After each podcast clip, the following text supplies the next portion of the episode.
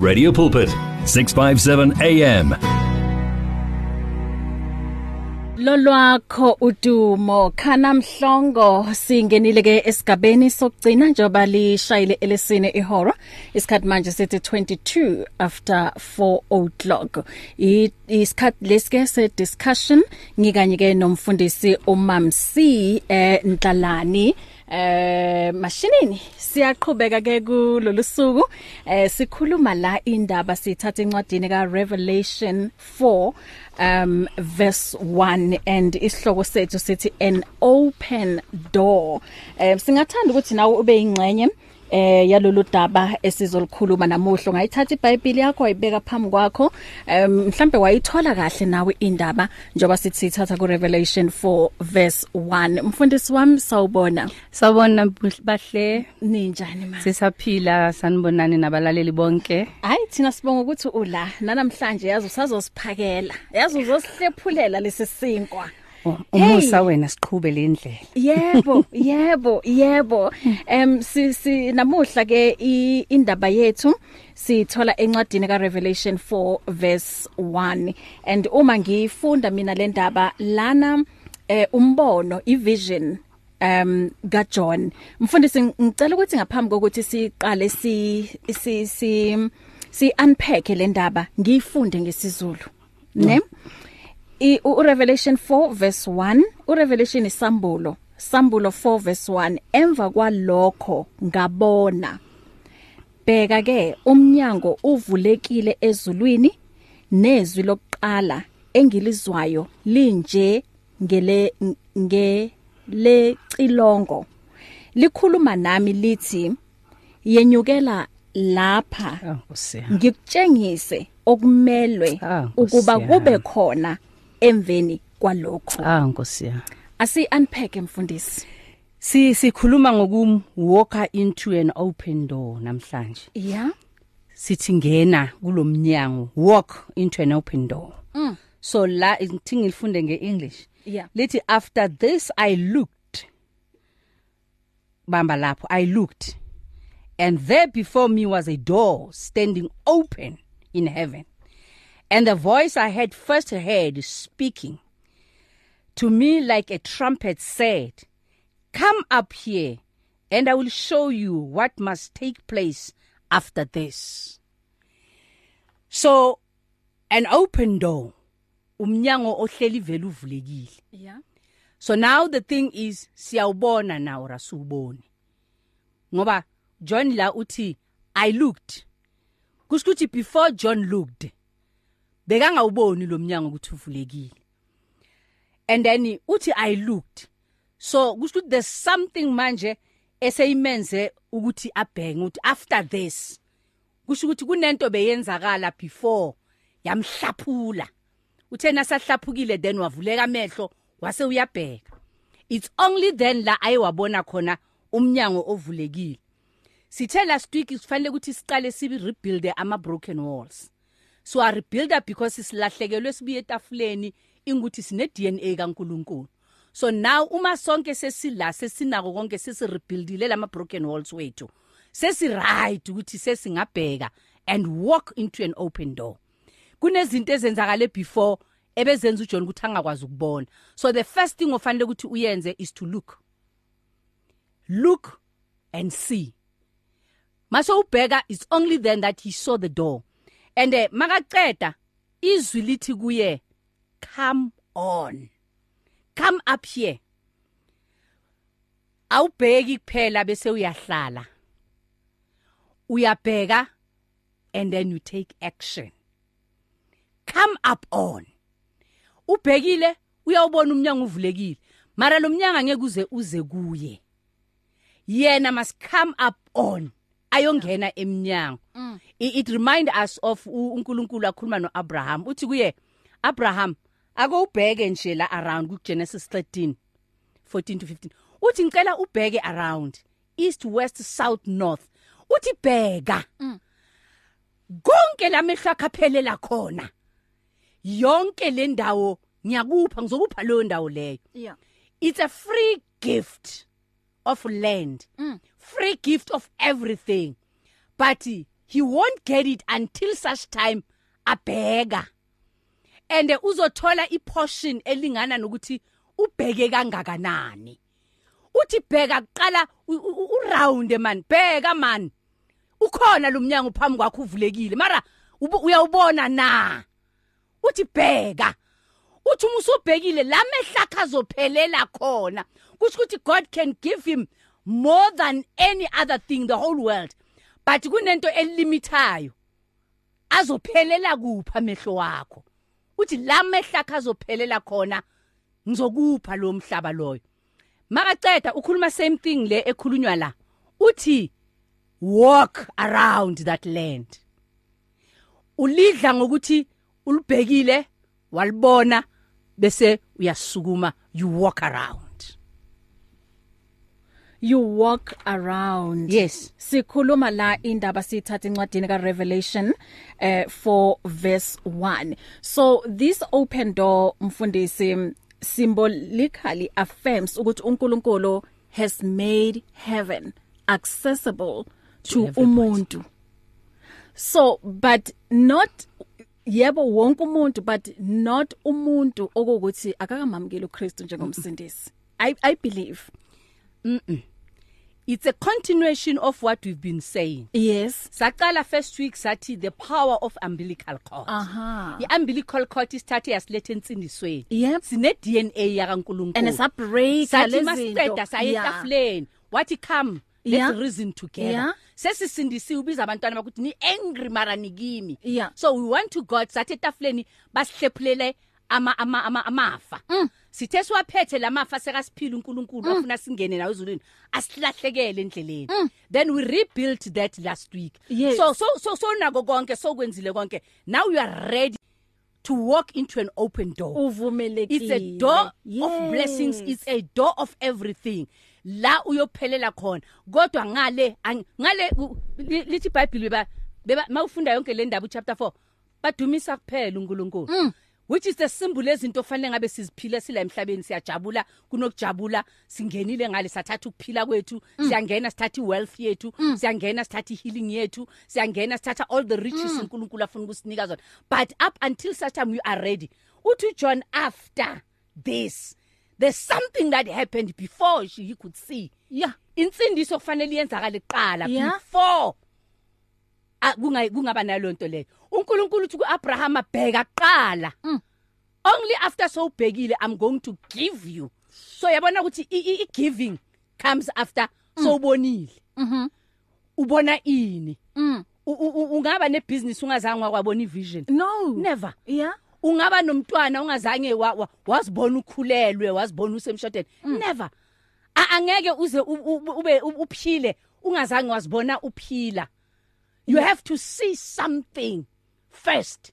Mm. so all the blessings that behind that door and the door is already open. Mm. But undlulile nala because angeke ungene kulo yamnyango lo yamnyango une size ethize yeah. So all these other things izokuvimba ukuthi ungene lapha emnyango. So ngikuzwa kahle mina mfundisi. 16 um 31 um sikhuluma la indaba nawo umnyango uvulekile. Ngabe uyangena yini? Uvulekile.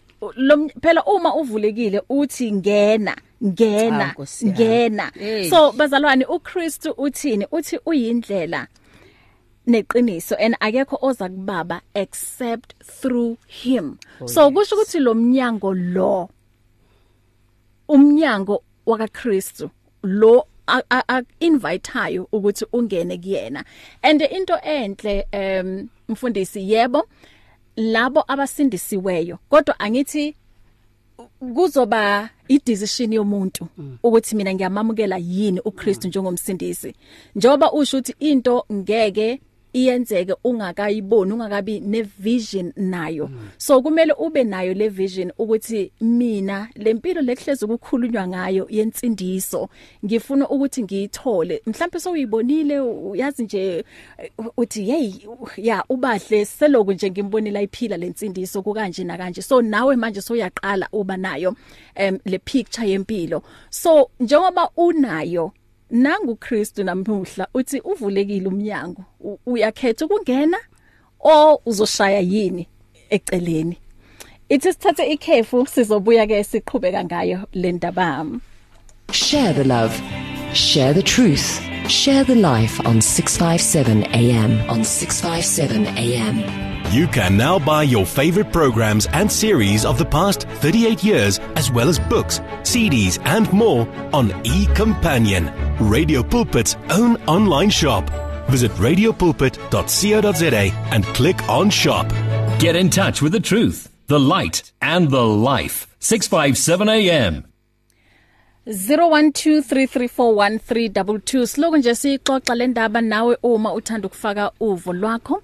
Eh uvumelekile ukuthi ungakhuluma nathi sizwe ukuthi wena we understand kanjani lencwadi ka Revelation 4 verse 1 nginomfundisi uMamsi em Ndlalani si siyayindlala ngempela le ndaba. Yeah um Revelation 4 verse 1 lapho isho khona ukuthi after this I looked up and there in heaven was an open door. The first voice that I had heard speaking to me like a trumpet said come up here Oh, yes. and I will show you what must take place after this, this.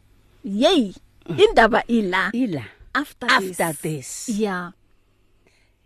And uh, ubone naye after this. Mhm mayicala laphana ithi after this. Yeah. He saw. Yeah. Then the, the the voice says i'll show you what must happen after this. Mhm after this now it's after life yeah. Because yena la literally bamfaka in heaven. Mm. and maka la ku heaven mayifunda yonke kulabona khona izidalwa zezulu kulabona khona ama angels kulabona khona banamaphiko ayi6 but banamehlo yonke indawo emuva nangaphambili nangaphansi kwamaphiko. Kulabona khona la everything that is happening la mm. it's just praise and worship to God. Uthi bamdumisa uNkulunkulu bayamworshipa bayaguqa phansi. Hallelujah glory to God. A- a- amazulu kuyaworshipa kuphela. Mm. it's what should happen after this, this. Mara siphila kuphi? Mm. emhlabeni. Iwealth sizoyithola kuphi? Emhlabeni. Mm. sizophila kuphi? Emhlabeni. And then after this, this. Sure. There's an open door but then what must happen after this? Mm. but before while we're still on this yeah. fanele ngiphile. Yep fanele ngikwazi ukudla. Mhm fanele ngikwazi ukukhonza uNkulunkulu ngigqokile nginempahla before angimanje siku before. Yes. Because lokhu ukuthi ngizongena kulo umnyango o literal after this mm. but there's a figurative door. Eseyivulekile just ngami ukuthi ngingamkele uJesu njengenkosi nomsindisi. Amen. Which I must take action. Uthe wena uya umuntu uyazikhethela ukuthi uyayi so ibonile ivision so ibone yonke into. Yeah. angeke uze uyibambe ungathathanga iaction. Kwayena bengeka sayibone le after this ukuthi kuyoyenzakala ngale sesiyodumisa kuphela mbahla. Ngale kuyadunyiswa kuphela. Yeah. That's why uh, uh, umshumayeli athi konke okwazi ukukwenza boka izandla kwenze manje ukwenza ukwenzisise. Ngoba ngale kwethuna akusekho ukuhleka. Akusana kudlala akusana nithi akunagolide Yeah. akunaso sibamba after this but now we are living in the now. So kwi now yethu uNkulunkulu sibekele an open door for now figuratively let's take umfazi lo we issue of blood. Wayibona iopen door enguJesu. Wabona ukuthi my open door to my healing mm. it's Christ on the street. And if azange asukume and go touch the hem of his garment ngaba zange yenzakala nix? Mm. bekayelo kahleli lapha yana Mm.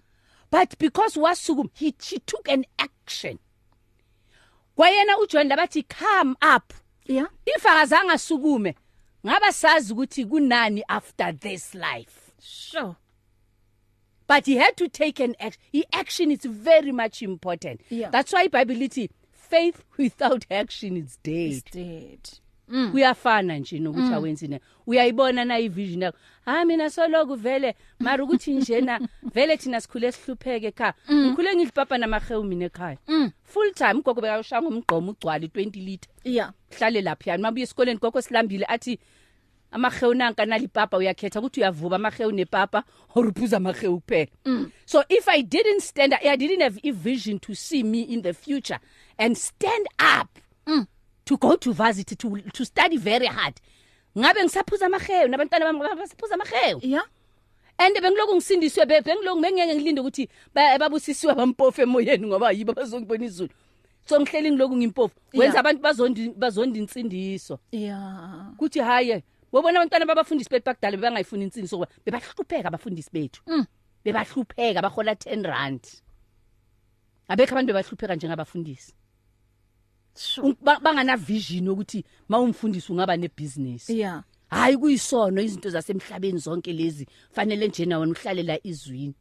Isono yini? Unomndeni ofanele ukuthi uwondle. Mm. after this we are all going to praise god. We are going to walk into an open door yasezulwini but siphila in the now. Yebo. Kwenzakalani manje? Yeah angihlale ngigula ke ngoba mina ngilinde ukuthi the day sengivele ngilinde ukufa ngizokwazi kuyongena ezulwini? No. Action. Action. Wow. Asithathe nangumlaleli elayinini. Um sawubona Dumelo semoyeni. Hayi sisi. Mfundisi bangani? Ha Mm. mandibulise kumama umfundisi nakubaphulaphula amen. Ayi ngeka Kristu ekhaya ayi hey yazi sibahle ndibulela kakhulu apha kuwe nakumama umfundisi Amen baba. Uyabona mama elagama lithi the power of the umbilical cord. Mm.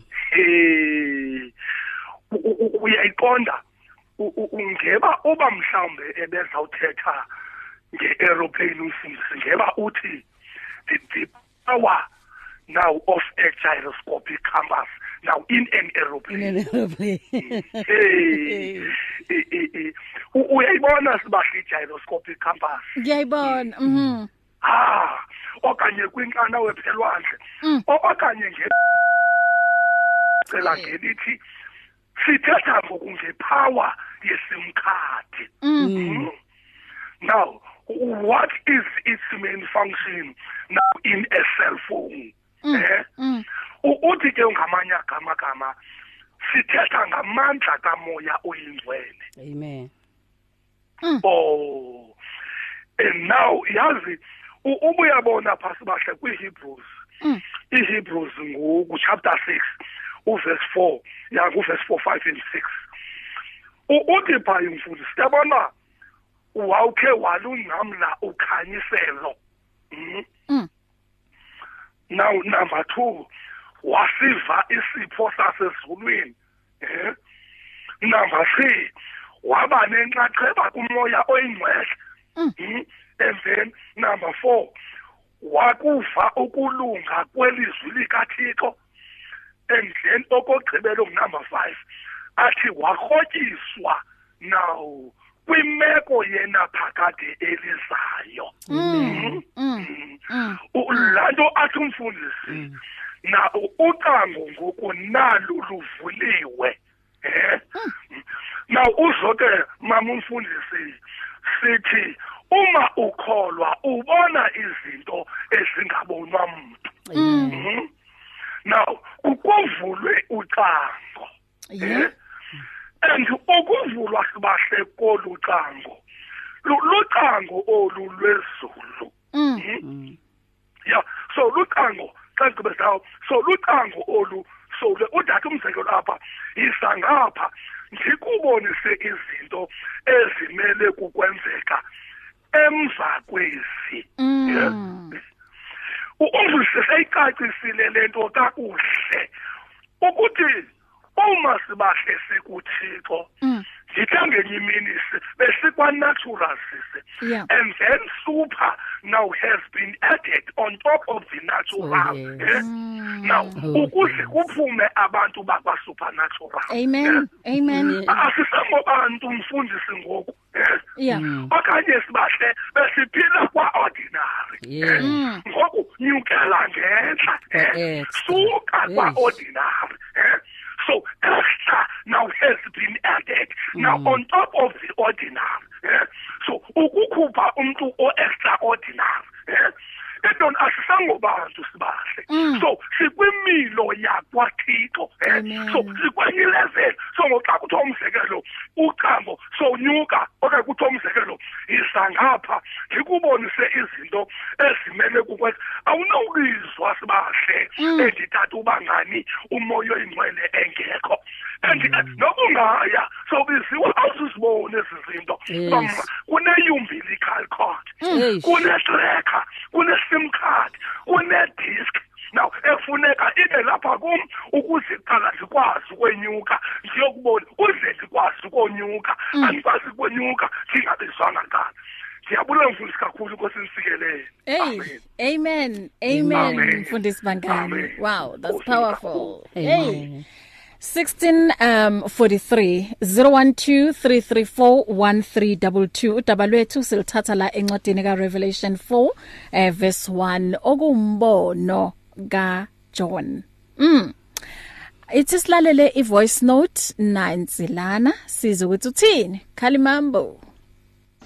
Siyabingelela nkosazana sibingelele naye umfundisi lapho nabalaleli be-radio pulpit umsakathi wethu indzaba lethi tfokotisako manje ke kule mihla yanamhlanje njengoba eh, emhleni yasemandulo uNoah wabe sewuthola umusa kuNkulunkulu.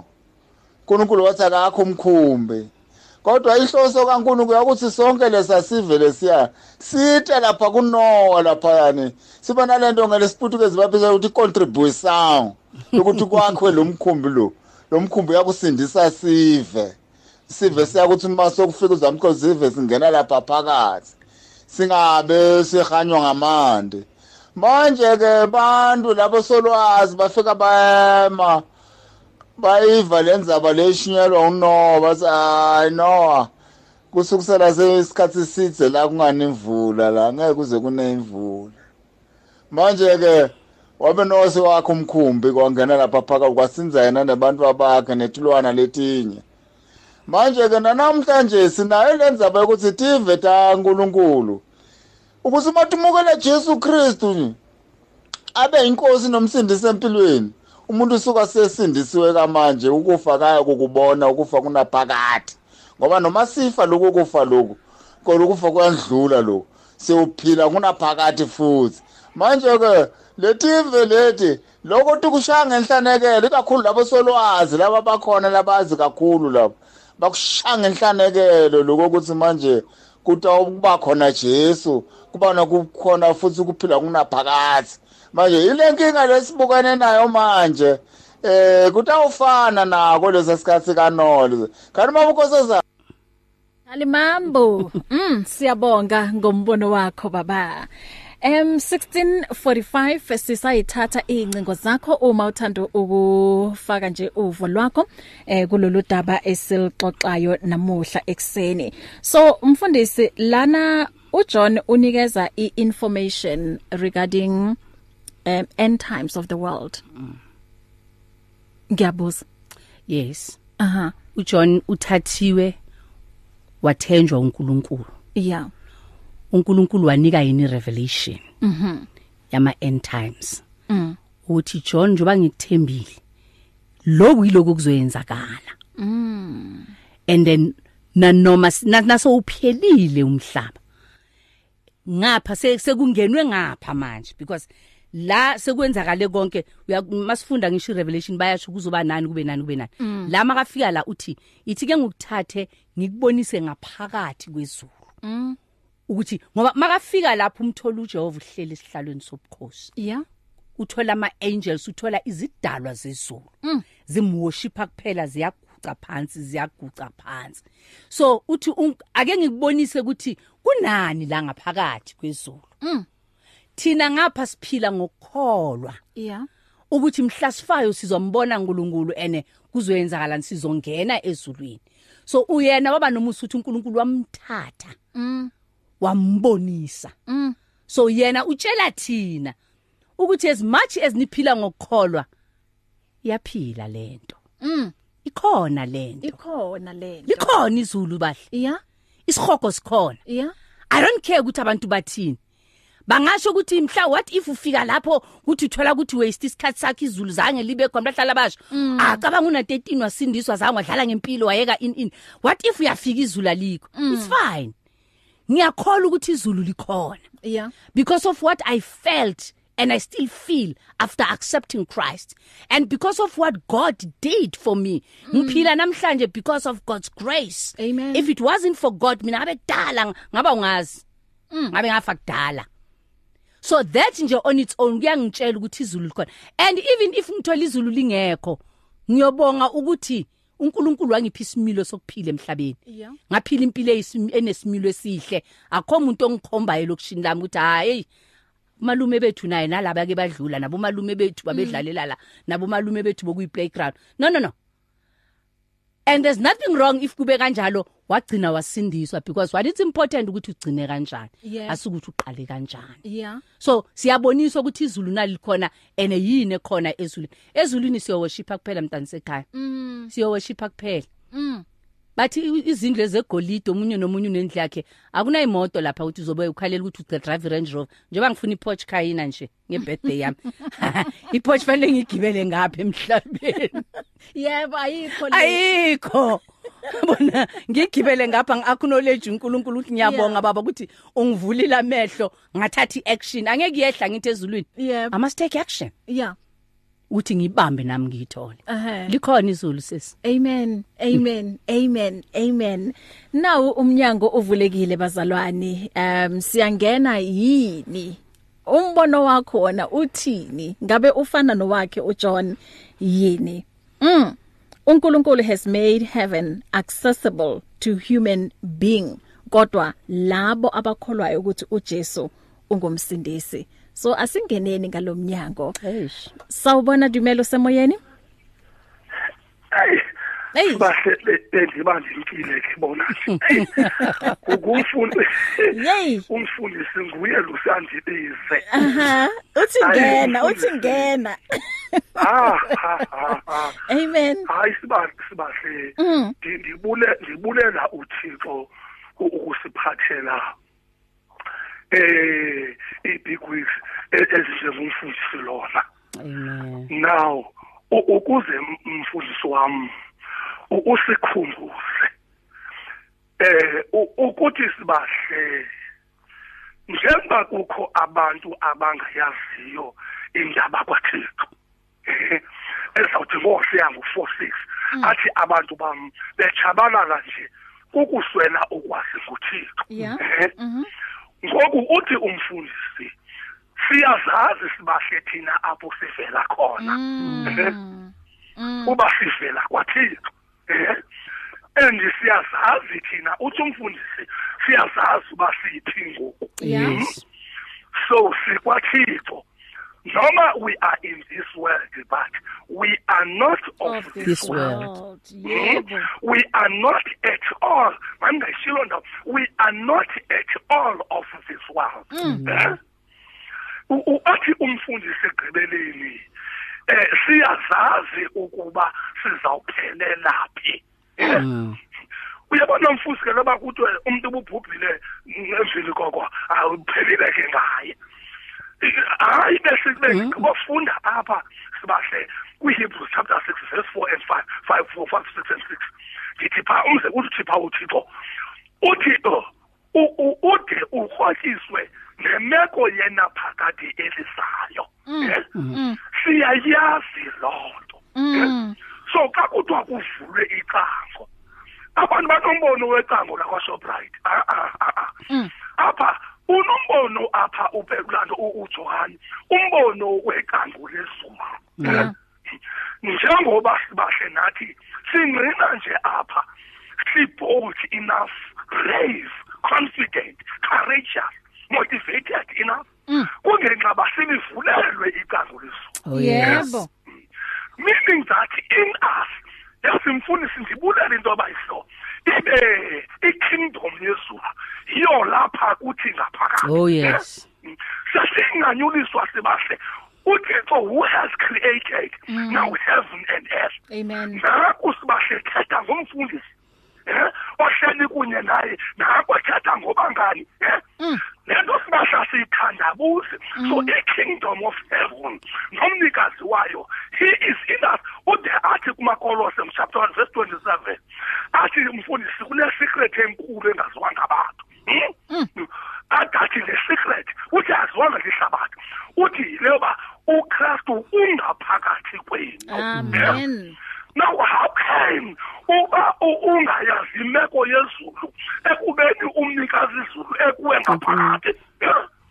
How can sibasho into yoba into akwathixo khethe inganivulelwa icango. Uze sibone ukuthi apho ndizawuphelela khona. Yeah. utsho nephilippians chapter 3 beke phantsi mama verse 20 uthi ke kaloku ikomkhulu ndisemazulwini um aningoba lapha nina ningabasezulwini. Mama sibulela loo nto ukuyazi. Asiyinkuntuzi asiyithandabuzi and asiyifuniseli that's why god in us is so brave. Not ayisengobanga nilubrave ayingomvuzo nguthixo obrave ngaphakathi ukuthi lo ndihleli kuye ngaphakathi. Ndiyamvulela ndimbonise into zam Hmm?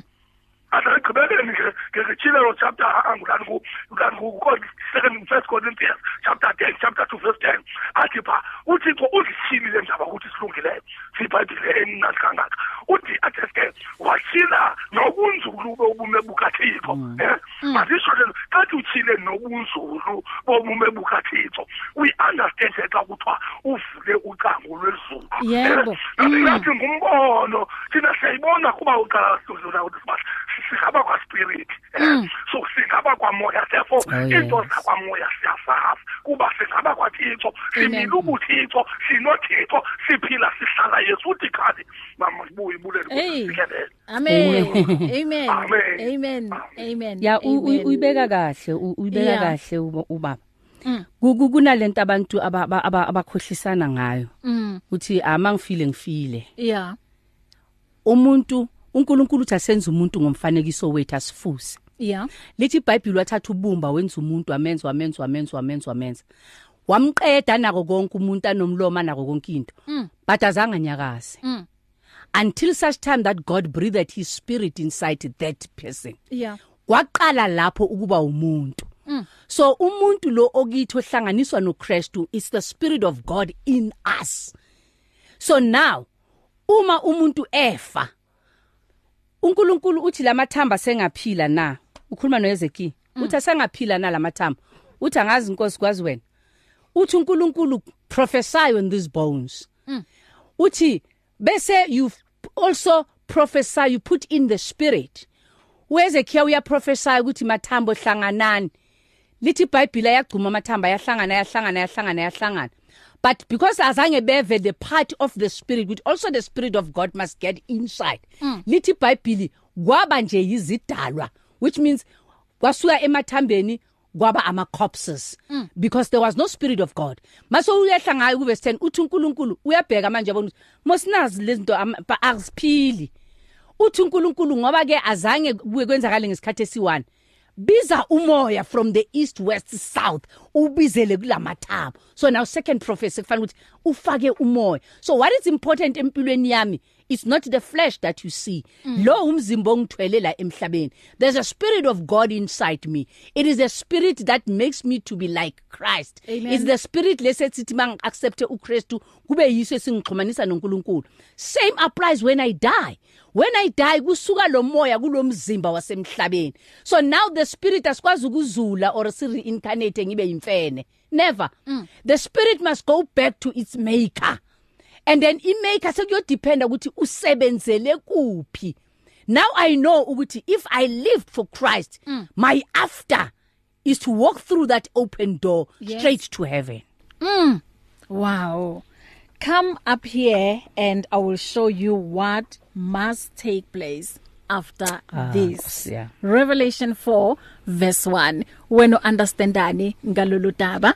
Eh si sinomzuzu owodwa noma ngathi emibili ukuthi ke siphume ngala. So uma usathanda ke ekutheni ufake uvo lwakho noma unombuzo still eh, siyayixoxa le ndaba kodwa awukakayi understand ukuthi kanti lomnyango bowuvaliwe bowuvalelweni. Yeah so manje njengoba sowuvulekile kanje ehe bowuvalelweni. Ukhona umfundisi la uzokuphendula 0123341322 sebenzisa le minute esele noma ke ungangena ku 0123338699 ungathumela ivoice note yakho ku 0826572729 mhlambe mfundisi sisalindele oyedwa. Asi asigoqe kahle.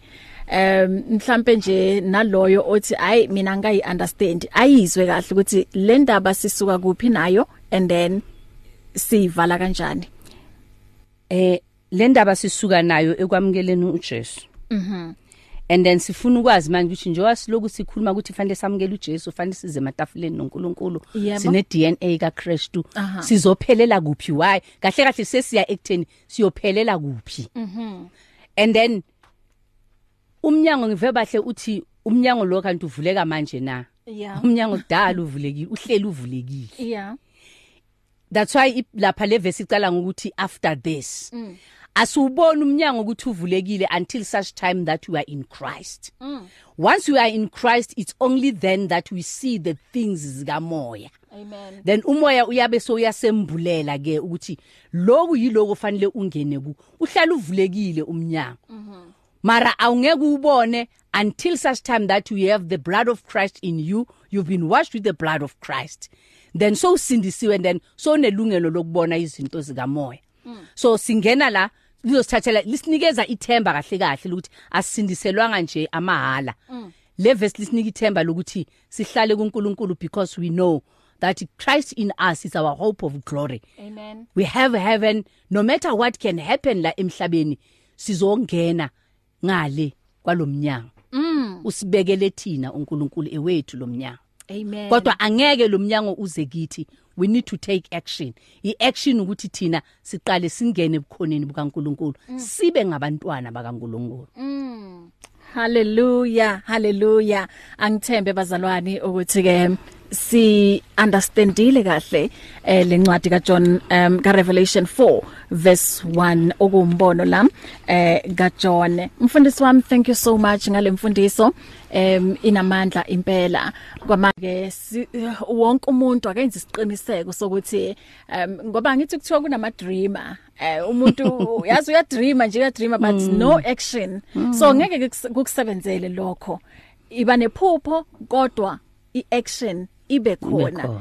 iba ne business plan kodwa iphu i- i action ibe khona. I- ingabi khona nje uthola ukuthi uya register i company seloku ihleli for 5 years no action. Kodwa uthi hayi ngine company registerilwe ngeke kusebenzele so action action action bazalwane. Emfundisi mhlambe laba abangathanda ukukhuluma nawe ungasekho la emoyeni bakuthola kuphi? Ku 084 527 4015 Facebook page Mashinini Ndlalani Mamsi.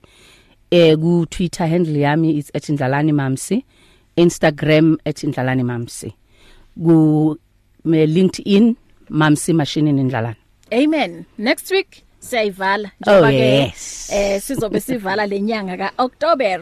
Mfundisi Yes. thank you so much. Pastor Ray Lehodi uyeza uzoqhubeka nawe njoba lishayile ihora lesihlanu until 7 o'clock mina nawe sisonke nakusasa ekseni 4 am until half 5. Sithi Mighty Wind kanye no Andrea Crouch. From your ear to your heart to your mouth to your feet. Join this life on 657 AM. Reach your customers in the car, at the office, at home, or wherever they are, night or day. Through advertising with Radio Pulpit, you can reach a large, unique, and loyal audience in a most affordable way. With over 500,000 people on our various platforms, from Gauteng to the Cape, you simply cannot go wrong. So advertise today. Contact us on 012 334 1339 or for advertising packages that we offer, go to www.radiopulpit.co.za. Terms and conditions apply. You and 657 AM and life, a winning team on the road to eternity.